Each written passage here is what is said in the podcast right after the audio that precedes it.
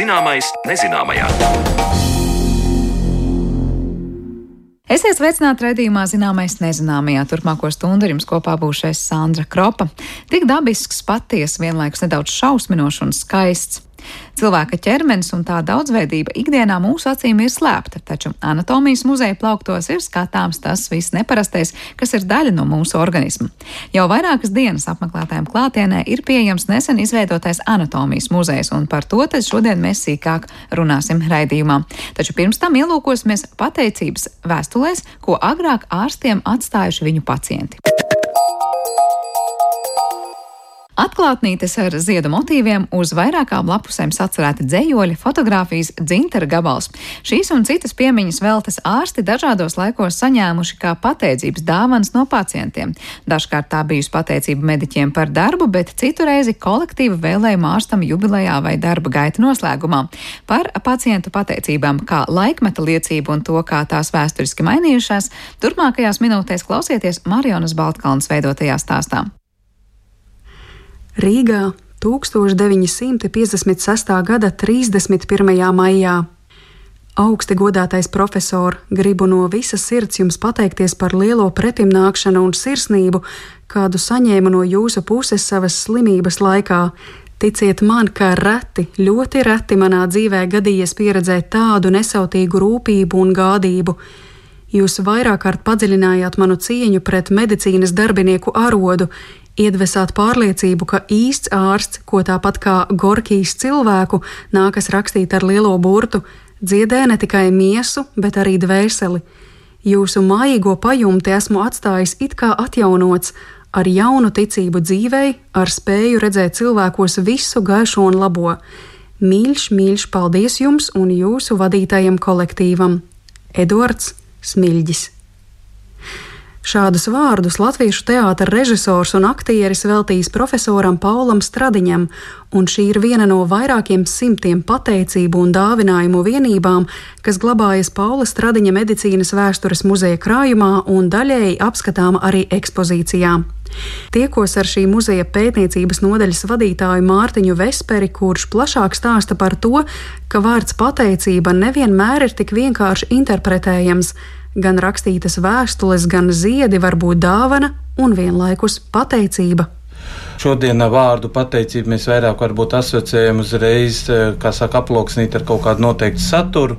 Kādreiz arī bija aploksnes, bet eh, šī divdomīgā satura vietā bija bieži vien tiešām vēstules, sirsnīgas, plaši aprakstīts vēstules, kas tiek adresēts ārstam eh, par to, kad ir palīdzēts mazināt sāpes. Tāpat tās varbūt vienkārši parasts paldies, uzzīmīts, uzrakstīts te mēs eh, varam sākt spēlēties ar vārdiem, ko mēs uzskatām kā pateicību un ko mēs uzskatām kā dāvanu. Kur dzird to vārdu paldies eh, un tā tālāk, mēs teiktu, ka tā ir pateicība. Bet es domāju, ka liela daļa no šiem apsveikumiem vai dāvanām, lielās jubilejās, beidzot darba gaitas vai mainot darba vietu, ka tā arī ir sava veida pateicība.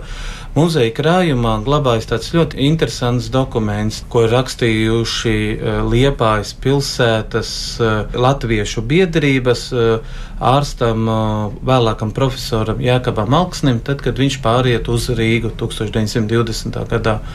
Uh, un tad tur ir Liepais uh, Latviešu namsaimnieku biedrība, Liepais Latviešu biedrība un kāds tik vēl tāds arī liels novēlējuma teksts uh, šim doktoram, jo viņš ir vadījis Liepais Latviešu biedrību vienu brīdi. Viņš ir bijis pirmais Liepājā, kas atvērs kā Latvijas savu privātu klīniku. Viņam ir ļoti liela nopelna Liepājas pilsētas aizstāvēšanā 1919. gadā un tā tālāk. Mm. Bet nav runa tikai par ārstiem. Mums krājumā ir maza grupiņa, bet tāda laba, kura medicīnas māsa māsām. Piemēram, ir tāda fotografija ar Elīnu Zālīti slimības gultā Rīgas sarkanā krusta slimnīcā, un tad aizmugurē ir mīļai māsiņai no nepaklausīgās slimnieces.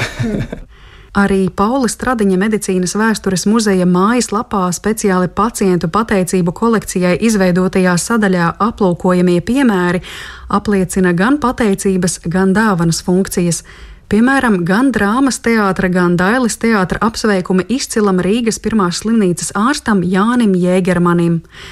Mārtiņš Vesperis stāsta arī par muzeja krājumā atrodamiem fotoalbumiem no teātriem profesoram Stradiņam 60 gadu jubilejā, un ir zināms, ka Stradiņš ir ārstējis daudzus aktierus un viņu ģimenes locekļus, tāpēc tā uzskatāma kā pateicības dāvana. Vēl, piemēram, krājumā ir ārstam Valentīnam Būmeistaram dāvināts boksa cimds, jau pieminētajam Jēkabam Alksnim veltīts galda sudraba piedarumu komplekts, Tuberkulozes ārsts Kārlis Segliņš saņēmis apsveikuma aprakstu, kam klāt bijusi piesieta cilvēka riba un citi priekšmeti. Taču runa ir par muzeja krājumu. Cilvēkiem mājās pateicību krājums varētu būt vēl lielāks. Runājot par pateicībām, te būtu arī jāizdala laikmeti. Nav tā, ka visos laikmetos ir viens. Īstenībā katrs laikmets nāk arī ar savām modes tendencēm, kas valda sabiedrībā. Piemēram, 19. gadsimta beigās, ja mēs skatītos literatūras darbos, tiek pieminēts, ka ārsts nāk pie slimnieka mājās, un tur slimnieks ja nevar samaksāt, tad tur dod īpaši laukos zeķu pāri, sviesta bunduliņu vai vēl kaut ko. Tā gan var būt arī kā maksa, bet tā var būt arī kā pateicība. Īpaši, ja mēs runājam par laikmetu, kad nav antibiotikas, kad tiešām ārsta pūles izglābt cilvēku varēja, nu, kas saka, mēnešiem vai gadiem ārstēt, un kad cilvēks tiek izārstēts mm -hmm. vai apārstēts. Un, Un tad uh, veido šī draudzīgās uh, nu, attiecības starp pacientu un ārstu. Pirms Pirmā pasaules kara, piemēram, bija tendence vispār, ka dāvina visādus kausus. Tad Latvijas laikā ļoti populārs bija, piemēram, kristāla traukus dāvināt no kolektīva, no kolēģiem, vai uh, ar sudraba apmalu, vai sudraba kāds priekšmets. Savukārt padomu periodā parādās šīs vēstules.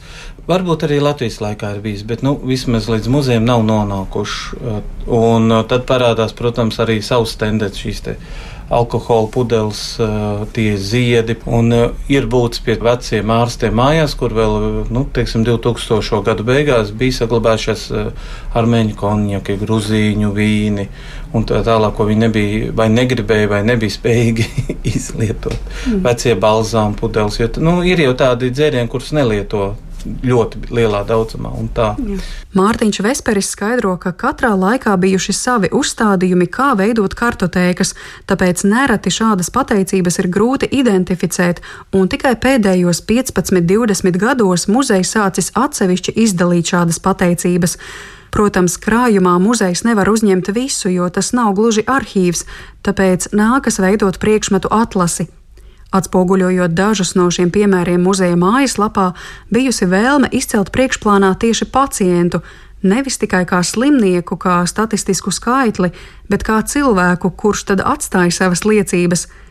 Tālāk par kādu īstu laikmeta liecību rīmju veidā. Man te uz galda Jā. ir uh, mums pēdējie tādi lielākais ienākušais materiāls, ir tāda ārsta Artura Rocēna materiālu, ko dāvina viņa mazmeita Ingūna Skadiņa. Un mēs kopā esam uzņēmuši pie 130 vienībām, 150 vienības. Kaut gan ģimene, protams, piedāvāja daudz lielāku apjomu. Piemēram, apsveikumu kartiņu skaits vien bija vairāk simti. Un no tā mēs uzņemam, diemžēl, tikai ļoti nelielu grupu. Artūrs Rocēns strādāja Pirms kara Latvijas sarkanā krusta slimnīcā Jāņa Asarielā viņš bija arī vienu brīdi neatliekamās medicīniskās palīdzības dienestā, jeb to laikā sauc Latvijas sarkanā krusta ātrā ārsta palīdzības uh, nodaļa. Un pēc kara faktiski viņu mūžu aizritēja Paula Stradiņa kliniskajā universitātes slimnīcā, jeb tolaik Paula Stradiņa Republikas eh, kliniskajā slimnīcā. Un runājot par šīm pateicībām, eh, tad jāsaka tā, ka mums ir dažas tādas ļoti sirsnīgas vēstules. Tā ir piemēram tāds uh, apsveikuma teksts. Viņš ir tā kā rīmēts no kādas viņa slimnieces uh, Rudēvicas Tas ir sarakstīts 58. gadā, un tas ir tātad tas teksts sākās tā. Gāju es pa sāpju taku, dakteri ar vienu blakus, bet tiem bija galvas cietas, gadus vairākus no vietas. Pirmais saka, lai tur kas, stāstiet jūs man pasakas, otrs saka, var jau būt, ka mazlietiņ sāpes jūt. Interesanti, ka dzējolī parādās arī sociālie aspekti, piemēram, tas, cik labi vai netik labi pēc pacienta domām kādā slimnīcā tiek ārstēts. Slimnīcā šai otrajā nav viss tā kā pirmajā. Personāls šeit mani gaida un ar laipnu smaidu smaida. Dakters Rocēns Bremze arī tūdaļ zina, kā darbu darīt. Izmeklēsim jūs no tiesas. Nebūs žēl ļaut graizīt miesas. Rīmējums kalpo arī kā dienas apraksts, kas notiek slimnīcā, kāda ir operācijas gaita, bet kopumā tā ir humora pilna pateicības izteikšana mediķiem. Vēl viens mirklis galdā kāpju, puncis mazgāts tiek bez sāpju. Dakteris Bremze brīdina, dūriens pirmais sāpina.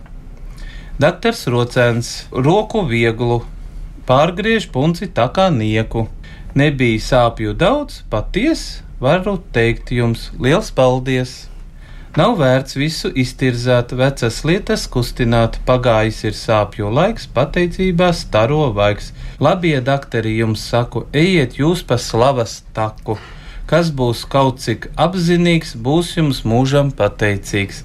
Ne jau dieviņš stāvēja klāt, ļāva stāstu turpināt, bet tas bija jūsu rokas, jūsu labās zelta rokas.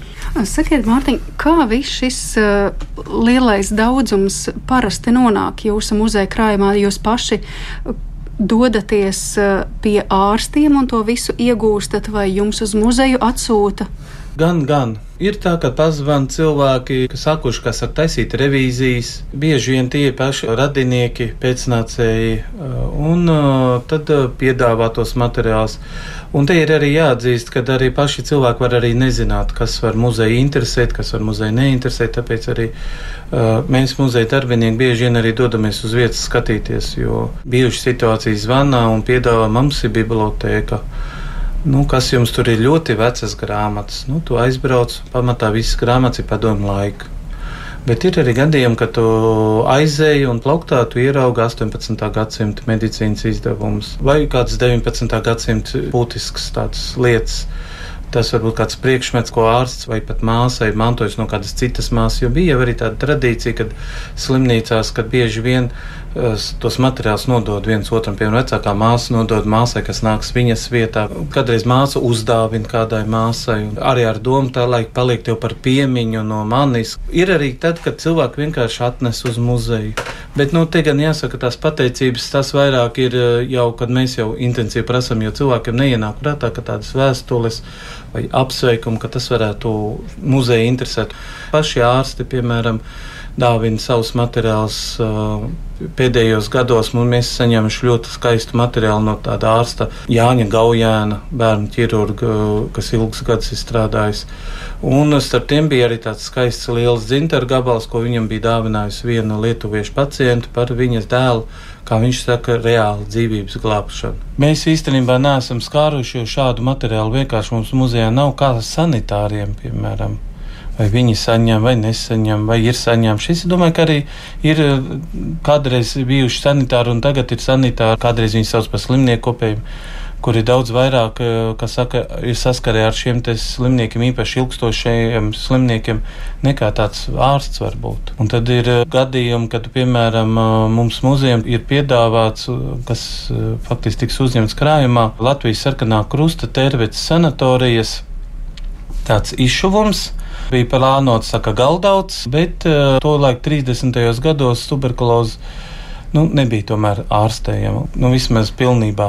Un šī slimnīca, jūtot, ka aizies aizsaulē, šo galdautu, nepabeigto galdautu uzdāvināja pavārei. Un mums ir arī tāda neliela fotografiju kolekcija, kur ir uh, reāli dāvināts žēlsirdīgām māsām, kuras ir uh, aprūpējuši maz bērns, piemēram, viņas ir strādājuši veselības kopšanas punktos.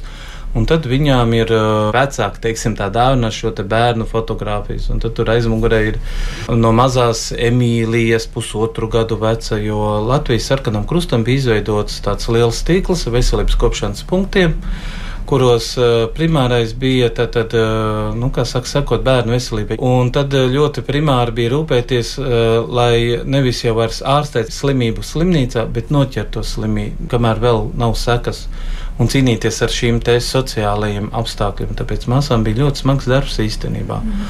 Un šīs fotogrāfijas ar šiem mazajiem, tur visādās, kā saka, pozās un tā tālāk. Arī tāda īstenībā ir sirsnīgs tāda pateicība, nu, ka tas mazais ir stiprs, liels izaudzis. Piemēram, mums ir tādas māsas, Milda Skrūze precējusies kundziņa. Viņa bija Ventspils veselības kopšanas punktā, strādāja kā māsa, un tad eh, no viņas ir ienākušas šādas fotogrāfijas. Pēc Mārtiņa Vespera domām rīmju rakstīšana kā pateicība ārstiem sāk izzust, taču to, vai tāda tomēr pastāv, vislabāk zinās paši mediķi. Vēstules un kartiņas aizstāja digitālas vēstules, un ar to saistīts vēl kāds izaicinājums. Arī mūsdienās uh, Mēs nemaz tos ārstu vai māsu e-pasta nedabūnam, kad pieraksts ir un viss. Bet uh, es domāju, ka vienalga ir savas pateicības, piemēram, Latvijas ārstu biedrība rīko šo gada balvu medicīnā, kur arī tiek pasniegts bieži vien labā vecmātu, ko tieši izvirza šie skatītāji balsojums vai sūtītās vēstules. Un tas arī ir īstenībā labs rādītājs, ka bieži vien, kad paskatās tā ir kāda lauku feldšere Vai tas ir kāds lauku ārsts vai mazpilsētas ārsts, vai tā ir vienkārši vecmāte, nu, un tā tālāk. Tātad, tas ir ļoti plašs lokus. Nav tā, ka tagad balsosim tikai par to, kur, kurš tur ir neskādā amatā vai vēl kaut kas. Par to, kādas bija pacientu pateicības vēsturiski Latvijā, stāstīja Paula Stradiņa medicīnas vēstures muzeja pētniecības nodaļas vadītājs Mārtiņš Vespers, ar kuru tikās mana kolēģa Mariona Baltkalna. Bet raidījuma turpinājumā parunāsim par tikko kā apmeklētājiem atvērto anatomijas muzeja kolekciju.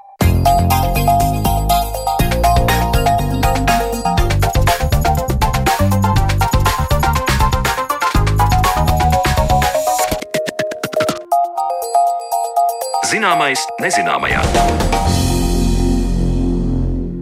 Beidzot, apmeklētājiem durvis vaļā ir vērs Rīgas Stradiņa Universitātes anatomijas muzejs, un tas jau ilgāku laiku bijis gatavs apmeklētājiem, taču Covid ierobežojumu dēļ savu darbu var sākt tikai tagad. Kas tad ir skatāms šajā neparastajā muzejā un kāda būs muzeja darbība nākotnē? Par to šodien mēs sīkāk runāsim ar muzeja vadītāju Ievu Līvietu. Sveiki, Ieva, prieks tevi satikt šajā studijā. Sveiki, labdien! Jā, nu muzejs tiešām ir atvērs savas durvis. Ja es saprotu, šobrīd ir pirmās dienas, kad pilnā spārā apmeklētāji jau tur var doties, vai tur vēl ir ierobežojumi, cik un kad. Muzejs tiešām beidzot ir atvērts pa īstam, pa īstam pieejams apmeklētājiem. Šodien ir nu, jau. Mēs tiekamies piekdienā, kad mums ir jau otrā darba diena, kad pie mums nāk apmeklētāji. Uh, Mēs esam atvērti un brīvi pieejami ar to vienu ierobežojumu, ka mums ir tāpat kā visiem jāievēro epidemioloģiskie drošības nosacījumi. Un mūsu muzejs ir platības ziņā neliels. Un, līdz ar to muzejā vienlaikus var uzturēties tikai septiņi cilvēki. Tā kā rinda un, jau ir kārtīga. jā, un lai tā rinda būtu tikai virtuāla, nevis digitāla, mēs lūdzam apmeklējumu iepriekš reģistrēt. Un uh, ir tāda aplikācija Bukla, caur kuru tad uh, apmeklētāji var pieteikt apmeklējumu uz noteiktu laiku. To mēs arī lūdzam. Protams, ja kāds atnāks bez reģistrēšanās, un ja tajā brīdī muzejs būs tukšs, protams, ka muzeja darbinieki labprāt ielaidīs arī apskatīt muzeju, bet šobrīd mums ir tā, ka mums tiešām cilvēki jau visu ir uh, rezervējuši, un tā, tā, tā, tā, tā tas brīdis, kad tas muzejs ir tukšs, patiesībā tuvākajās dienās pat nav redzams. Tā kā visiem jālūdzam reģistrēties. Tā kā pirmajās dienās muzejs jau ir ļoti iecienīts, tā varētu teikt, jā, bet mm. ilgi gaidīts taču, vai ne? Nu, man, man tieši liekas, ka, ka iespējams tāpēc, ka ļoti ilgi gaidīts un, un, um, un ļoti. Uh, nu, vispār jau tas nav tā, ka tas notiek ļoti bieži, ka mums vai jebkur citur atveras, tiek atvērts jauns muzejs, tāda publiski pieejama vieta. Varbūt izstāstīja cilvēkiem, kas nav varbūt soli pa solim sekojuši līdz tam, kā muzejs ir tapis, ar ko tas atšķirs no tā medicīnas vēstures muzeja, ko mēs uh, esam redzējuši un apmeklējuši, iespējams, daudz no mūsu klausītājiem, kas, uh, kas arī ir Rīgā un var teikt, nu, ko, ko jaunu šis konkrēti anatomijas muzejs parādīs, ko nevarēja redzēt citur. Jā, nu, lūk, an, medicīnas vēstures muzejs, kā jau to definē, arī tas nosaukums ir veltīts medicīnas vēsturei.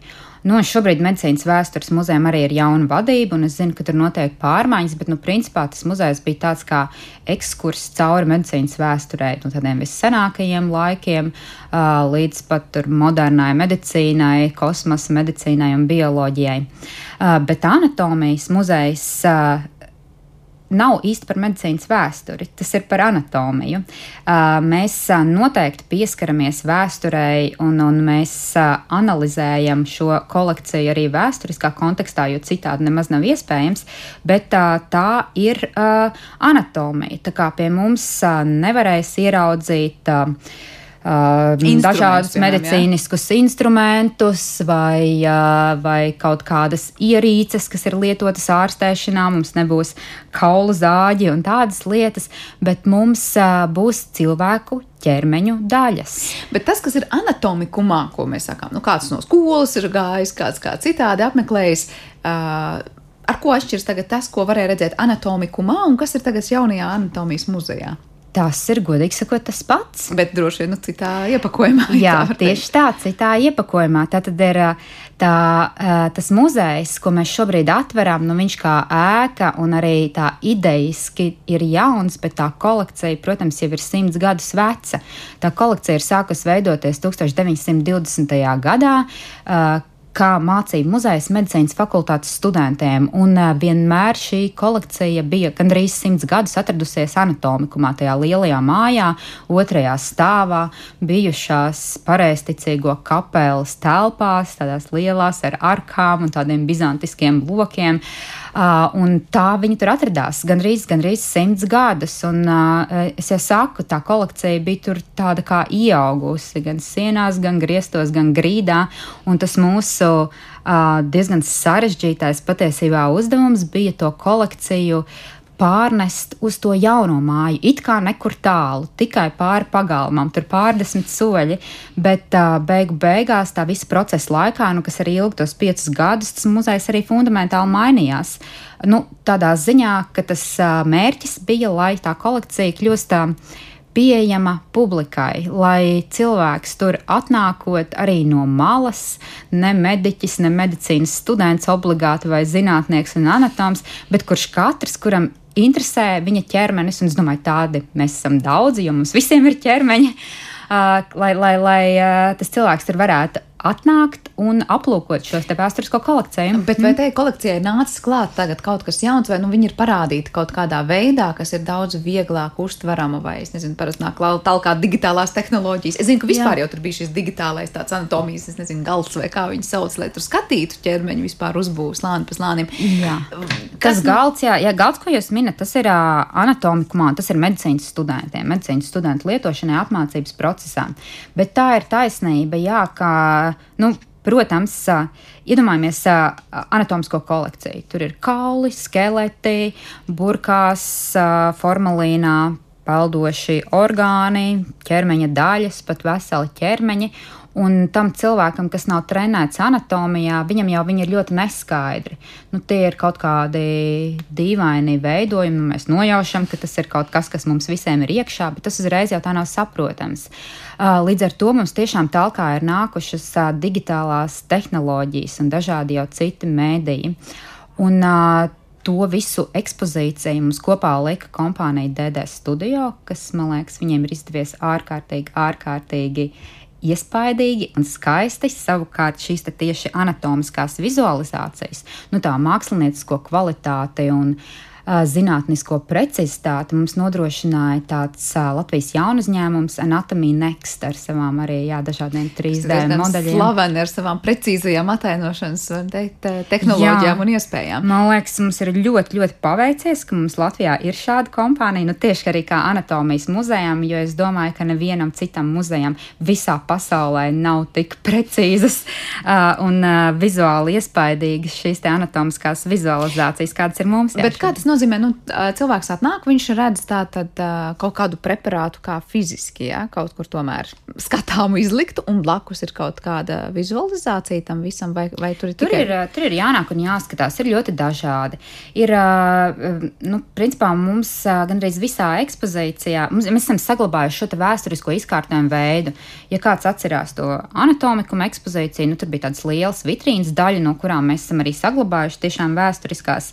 Un tajās kolekcija tika izkārtot pa orgānu sistēmām. Nu, tur būs centrālā nervu sistēma, periferā nervu sistēma, uh, sirds un asinsvadu sistēma. Mēs esam izmantojuši šo pašu metodi, bet vienmēr šajās vitrīnās apmeklētājs atradīs arī schēmas un arī tādas digitālas ilustrācijas tam, varbūt, kas paskaidros vismaz atsevišķus šajā ekspozīcijā redzamos objektus.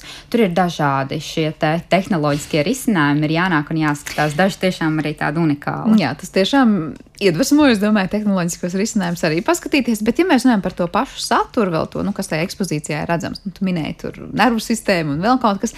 Uh, varbūt var nedaudz pastāstīt uh, sīkāk par to, kādi tur preparāti, vai saprotu, tur parasti ir kaut kādas iedzimtas anomālijas. Cilvēkiem ir interesanti paskatīties, kā var būt un kas tas ir un, un kā, kas ir to eksponātu vidū. Uh, Ekspon nu, tā ir tāda klasiska 20. gadsimta pirmās puses medicīnas fakultātes kolekcija. Nu, kāpēc viņu teiksim, var izskaidrot tie mērķi, kādēļ viņa bija radīta? Nu, mums, kas mums palīdzētu saprast, kas tur ir. Uh, Pirmkārt, tas ir radīts, lai medicīnas studentiem varētu palīdzēt mācīties anatomiju. Nu, šobrīd mums ir visas uh, tehnoloģijas, digitālās, dažādas 3D modeļi. 20. gadsimta sākums tāda iespēja nav. Tur laimīgs ir students, kuram ir kaut kāda grāmata, varbūt ar skaistām medicīnas ilustrācijām. Nu, tad, lūk, tā mācīšanās notiek uz preparātiem, kas ir speciāli pagatavoti. Nu, tā tad tie ir. Sāksim, sāksim mācīties no kauliem, tur būs skelets, viss kopā, tur būs skelets pa daļām, uz statīviem salikti kauli kauli un tam līdzīgi. Ne tikai anatomija. Ir uh, tas, man liekas, ar ko tas um, anatomiskās kolekcijas vispār ir unikāls, ka mēs varam tajās saskatīt to, ka pat neskatoties uz to, ka mums ir katram tā mūsu nosacīta vienāda anatomiskā uzbūve, mēs katrs esam citādāks un katrs esam nedaudz, nedaudz atšķirīgs viens no otra, un tās sauc par variācijām. Tātad uh, tur ir redzami arī tādi kauli un ķermeņa daļas un varbūt struktūras, par kurām mēs tā īsti normālās anatomijas grāmatās nemaz nevaram lasīt, bet kas nav slimība, kas ir tikai variācija. Uh, Tātad šī daļa no kolekcijas ir veltīta tieši anatomijai, tā kā anatomijas skaidrošanai. Tad mums ir vēl viena daļa no kolekcijas, kas ir veltīta antropoloģijai. Tātad līdztekus anatomijai, kas tika kolekcionēta, tika kolekcionēta un krāta arī dati par um, antropoloģiju. Uh, uh, divu veidu materiāls. Viens ir uh, kranioloģiskais materiāls, jeb galvas kausa kolekcija, kas mums ir vairāk kā 600 galvas kausi, kas ir nokļuvuši anatomijas muzejā no izrakumiem 20. gadsimta 20. un 30. gados. Un otra daļa ir um, tādas anketas un fotofilmas, kas ir savāktas antropoloģiskajās ekspedīcijās arī 20. gadsimta 20. un 30. gados. Uh, nu, pat daži no dažādiem Latvijas reģioniem. Tātad muzeja un anatomijas institūta darbinieki to lai gribēja dokumentēt, kāds izskatās Latvijā dzīvojošais cilvēks. Uh, kādas ir viņa fiziskā, fiziskie parametri, kāda ir vēl viņa dažādi dzīves dati. Un šie visi materiāli glabājas mūsu muzejā šobrīd. Tas ir 12,000 vismaz antropoloģiskās anketas, un katrai šai antropoloģiskajai anketai klāt ir arī fotobilde. Tā kā es, uh, ir, tas, man liekas, ir tāds ļoti vērtīgs materiāls arī cilvēkiem, kas interesējas par savas dzimtas vēsturi. Jo, piemēram, ja mēs zinām, ka 36. gadā tur brauca ekspedīcija uz vecpiebalgu un piebalgu un dokumentēja pilnīgi visu tur dzīvojušos cilvēkus, tad tie, kuriem tur ir dzimtas mājas, var nākt pie mums, piemēram, un atrast varbūt savus vecvecākus, nofotografētus, aptaujātus, izmērītus, vēl leģendas stāstošus un tam līdzīgus. Un tā ir vēl tāda viena mūsu mūsu kolekcijas daļa, kas arī ir apskatām ekspozīcijām. Un tad tas, ko jūs minējāt par tām iedzimtajām anomālijām. Tā ir tāda trešā daļa, jo bez tā, ka uh, bija vēlme tā tad uh, demonstrēt anatomiju, pētīt antropoloģiju, notika arī zinātniski pētnieciskais darbs. Un tad tā kolekcija mums kaut kādā veidā arī atspoguļo to, kādas bija tās zinātniskās intereses tolaik. Un, un bija daļa no šiem pētījumiem, kas bija veltīta, piemēram, iedzimtām anomālijām, piemēram, roku, pēdu kropļojumiem, tolaik sauktam hermafrodītismam, jeb šobrīd mēs sakām starpdzimums. Um, arī teratoloģiskā kolekcija, iedzimto anomāliju kolekcija, nu, to, ko cilvēkiem vieglāk iztēloties, kas ir jaundzimušie vai, vai, vai augļi uh, ar, ar, ar, ar savām anomālijām. Savukārt, nu, tie ir bērni, kas ir uh, vai nu dzimuši nedzīvi vai miruši uzreiz pēc piedzimšanas. Arī šāda kolekcija mums ir. Un šīs iedzimto anomāliju kolekcijas mēs esam kaut kā mērķiecīgi uh, izkārtojuši muzeja pazemes ekspozīcijā ar to nolūku, ka uh, iespējams šī kolekcijas daļa varētu kādam likties uh, uh, nu, pārāk uh, varbūt satraucoša, lai viņi vēlētos to apskatīt. Mēs piedāvājam arī to iespēju, ka apmeklētājs var atnākt un apskatīties tikai pirmā stāva ekspozīcija, kur ir normālā anatomija, kur ir uh, dažādi preparātu pagatavošanas metodas izskaidrotas, kur ir antropoloģiskā kolekcija. Bet, piemēram, tajā pazemes ekspozīcijā mēs noteikti arī brīdinām visus uh, mūsu apmeklētājus, nu, ka tur vienkārši ir tādas lietas, kas uh, dažreiz cilvēkiem liekas satraucošas. Un arī runājot jā, par to vecumu ierobežojumu, kas varbūt klausītājiem ir interesanti, uh, mūsu ekspozīcijā visa tā valoda, kā mēs runājam ar apmeklētāju, tā ir mērķēta uz cilvēku, kuram ir 14 gadi un vairāk. Tur neatradīs tādas skaidrojumus varbūt pavisam maziem bērniem un tādas kaut kādas uh, lietas, kas ir mērķētas tieši uz pavisam jauniem cilvēkiem, bet mēs uh, vecuma ierobežojumu neliekam. Mēs lūdzam vienīgi bērnus, kuri jaunāki ir par 14 gadiem, tad nākt kopā ar saviem vecākiem un vecākiem iepriekš izrunāt, jā, nu, kā, kas, kas tad ir tas materiāls. Mm. Varbūt paskatīties mājaslapā fotogrāfijas vai video materiāls, nu, kā, lai saprastu, kas tur ir, vai bērnam nebūs uh, bail. Jo man pašai liekas, ka vecums nav noteicošais faktors, kas uh, kas, kas, kas teiksim, rada vai nerada diskomfortu, jo tas ir atkarīgs ļoti no cilvēka, drīzāk nekā no tā vecuma. Runājot par tiem pašiem eksponātiem, tām kolekcijām, labi, viena lieta ir šie izrakumos atrastie kauli un tās kolekcijas daļas. Kā ir ar tiem preparātiem un visiem tiem orgāniem un orgānu daļām? Uh, tie ir tie, kas savulaik ir iegūti kolekcijām, var teikt, vienkārši pārnest uz citu mājas daļu.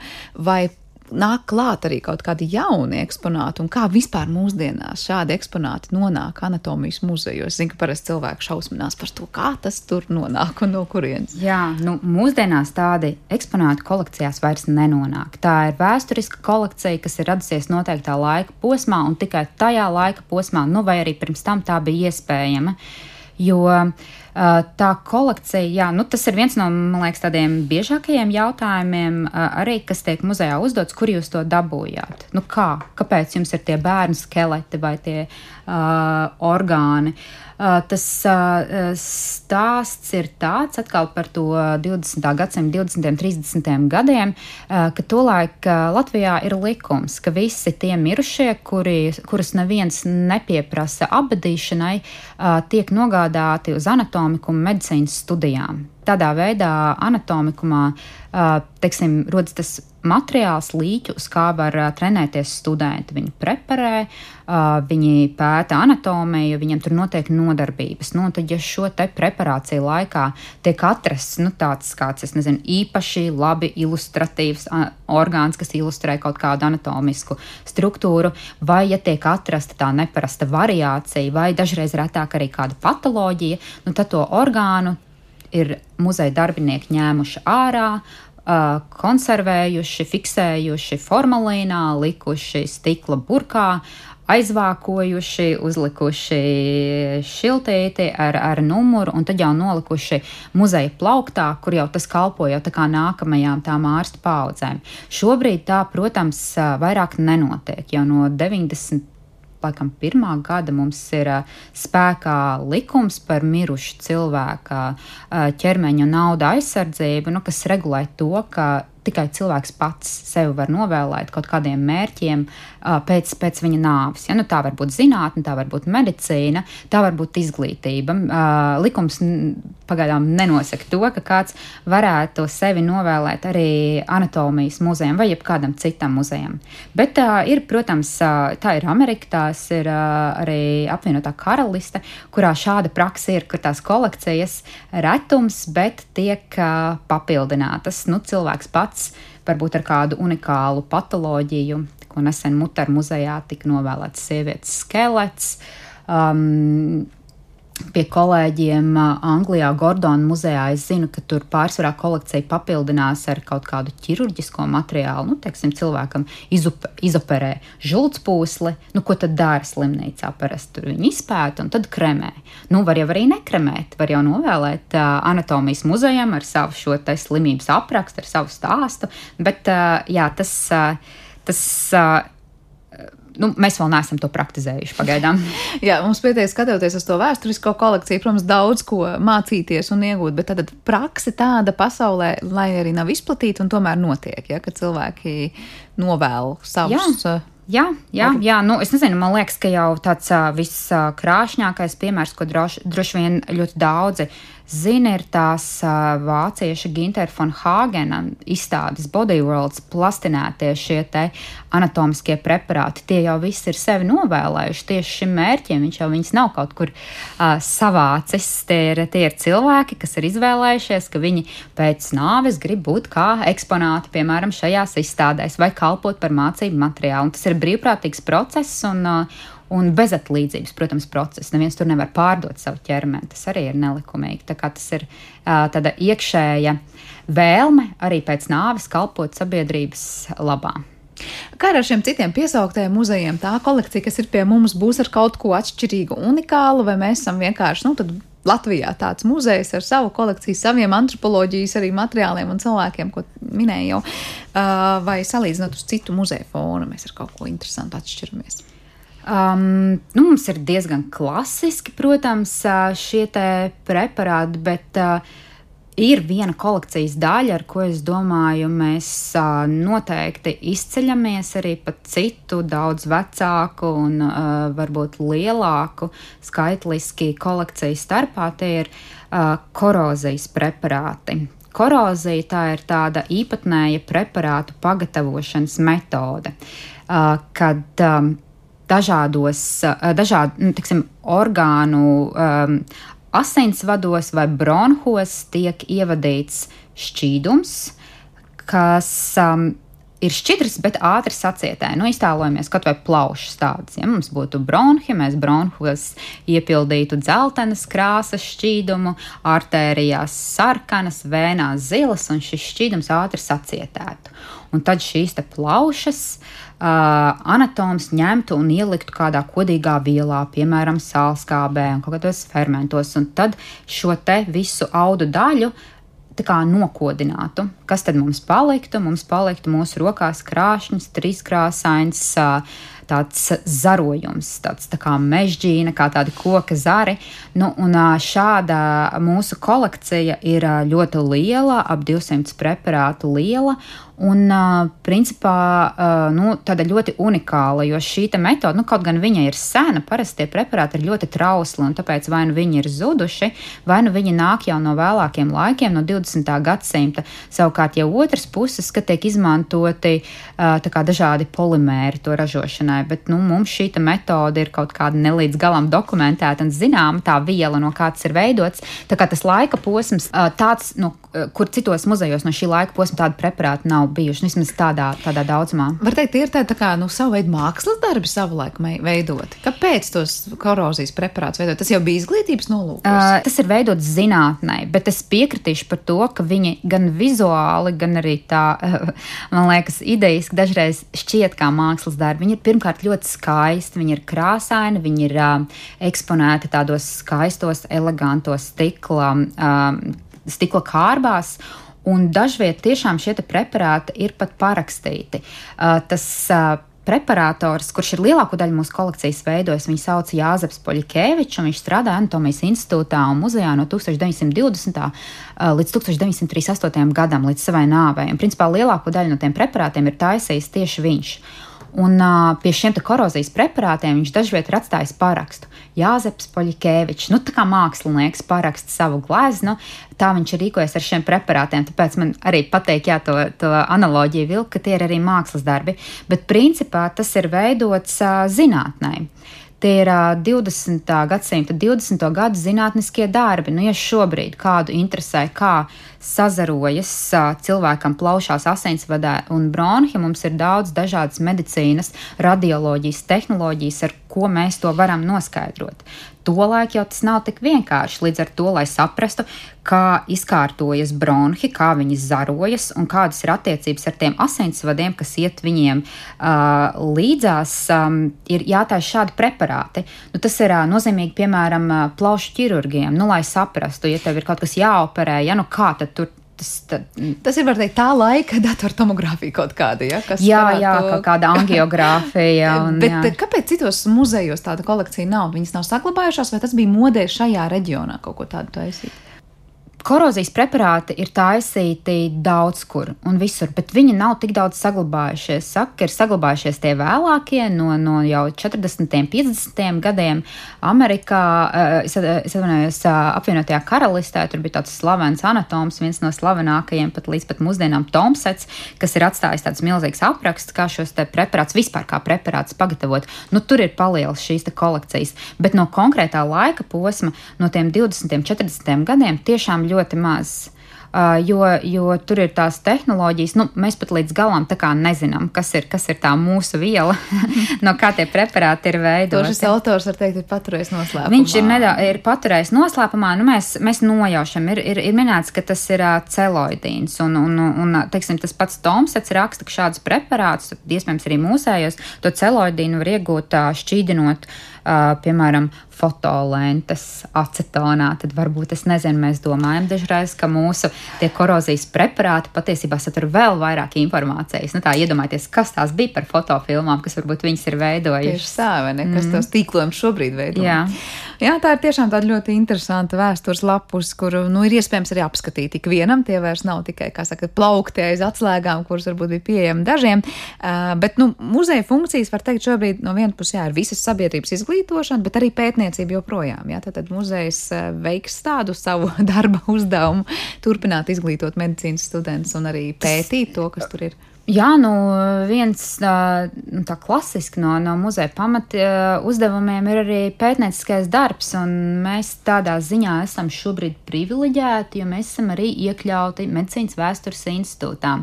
Uh, Anatomijas muzejs, tāpat kā RSU vēstures muzejs, šobrīd ir medicīnas vēstures institūta daļa. Mums ir arī studenti, kas nāk pie mums arī studiju procesā, un, protams, arī telpas ir pieejamas studentiem sanāksmēm un izglītībai, un mēs vienmēr mīļi gaidām arī kolēģis no Anatomijas institūta nodarbību laikā, ja viņiem kāds no mūsu ekspozīcijā esošiem eksponātiem iekļaujas mācību programmā, nākt viņus apskatīt. Un, un, un arī tiešām arī studentu zinātnisku darbi, tie, teiksim, pētījumi tiek veikti izmantojot mūsu kolekcijas. Ir studenti, kuriem interesē anatomisko modeļu vēsture vai, teiksim, kaut kādas tādas lietas. Tā kā tas, tas, jā, protams, notiek, un tas ir viena no mūsu muzeja tādiem pamatu uzdevumiem. Noslēdzot mūsu sarunu par tuvāko nākotni runājot, es saprotu, ka ir gaidāms liels medicīnas vēsturē veltīts kongress arī. Kas tas būs, kad tas notiks un ar ko tas būs interesants? Jā, tas ir laikam augusta priekšpēdējā nedēļa, kad Rīga kļūs par medicīnas vēstures centru, pasaules medicīnas vēstures centru. Pasaules medicīnas vēsturnieku kongress jā, notiek Rīgā. Un, uh, tas jau bija plānots pagājušajā gadā, un mums tos plānus, un kā visiem ļoti daudz, daudz plāns izmainīja, tātad pandēmija. Bet šobrīd mēs esam šo te kongresu apņēmušies noturēt. Un kongress notiks hibrīda formā. Daļa no mm, referentiem tātad būs un kongresa delegātiem būs klātienē, bet tā būs neliela daļa. Un uh, daļa būs uh, pieslēgsies mums attālināti. Un tā kā mums tas formāts ir samazinājies, tad mums šis kongress notiks arī tiešām anatomijas uh, muzejām. Uh, Un kongresam ir vairākas satelīta konferences, un viena no tām ir cieši saistīta ar anatomiju. Uh, tā ir konference, kuru angļuiski mēs saucam par Anatomy and Beyond. Mēs vēl domājam par latviskošanas uh, versiju, tad droši vien būtu anatomija un tālāk, vai nu kas notiek aiz anatomijas. Un uh, to mēs veidojam uh, sadarbībā ar uh, tādu beļģu medicīnas mākslinieci Paskāla Poljēru. Viņa ir arī Eiropas medicīnas mākslinieku un ilustrātoru asociācijas vadītāja. Un šo te projektu, kas ietver gan simpoziju, gan arī pirmo izstādi anatomijas muzejā, mums arī atbalsta Beļģijas vēstniecība Latvijā un, un, un Zviedrijā. Un, uh, um, mm, Digita Gavara kungs, kas ir Beļģijas uh, goda konsuls Latvijā. Tā kā uh, šī būs mūsu pirmā izstāde, un to mēs uh, vērsim vaļā 25. augustā. Un uh, šajā izstādē būs skatāmi vairāki seši gabali mākslas darbi, kas šobrīd top par tēmu, kāda tad būs nākotnes anatomija, kā tehnoloģijas, kosmosa ceļojumi un vispār tas, kas mūs sagaida nākotnē, izmainīs mūs arī pašus kā tādas organiskas zemes būtnes. Jā, nu skaidrs, ka augusta beigās eh, Rīga noteikti būs medicīnas vēstures uzmanības centrā pasaules mērogā, ja tā mēs varam teikt. Gaidāms ļoti daudz kas interesants, bet pats muzejs durvis ir vēris šajās dienās, un ne tikai augusta beigās, bet arī vēl pēc tam gaida savus apmeklētājus tiešām ar arī kaut ko pasaules mērogā ļoti unikāli. Mēs runājam par šiem korozijas preparātiem, tad kaut kas, kas ir skatāms ļoti maz, kur tā kā izmantosim Jā. iespēju, tas ir arī pie mums. Es gribu noslēgumā piebilst, ka es domāju, ka mēs ne tikai korozijas preparāti, bet vispār tas veids, kādā mūsu tā kolekcija ir prezentēta, ir tiešām pasaules mērogā uh, unikāla ekspozīcija, tā kas ir mums. Jo ne daudz kur uh, anatomijas kolekcijām, kas ir tik saudabīgas un tāds uh, ļoti nišas produkts, uh, ne daudz kur uh, tām ir iespējas rast finansējumu, kā tas ir. Uh, izdevies šai kolekcijai, nonākot Rīgas Stradiņu universitātes uh, paspārnē. Jā, tā kā to iespēju izmantosim. Paldies! Dzirdējām šajā raidījuma pusstundā Rīgas Stradiņu universitātes anatomijas muzeja vadītāja Ieva Lībieti, un ar to arī šis raidījums ir izskanējis. Atgādināšu par to parūpējās producenta Paula Gulbinska, Kristīna Delbija skaņu režijā, Girds Bišs mūzikas redaktors šai stundai savukārt ir jums kopā šo stundu pavadījis Sandra Kropa. Mēs tiekamies jau pavisam drīz, lai mums visiem veiksmīga diena un visu labu!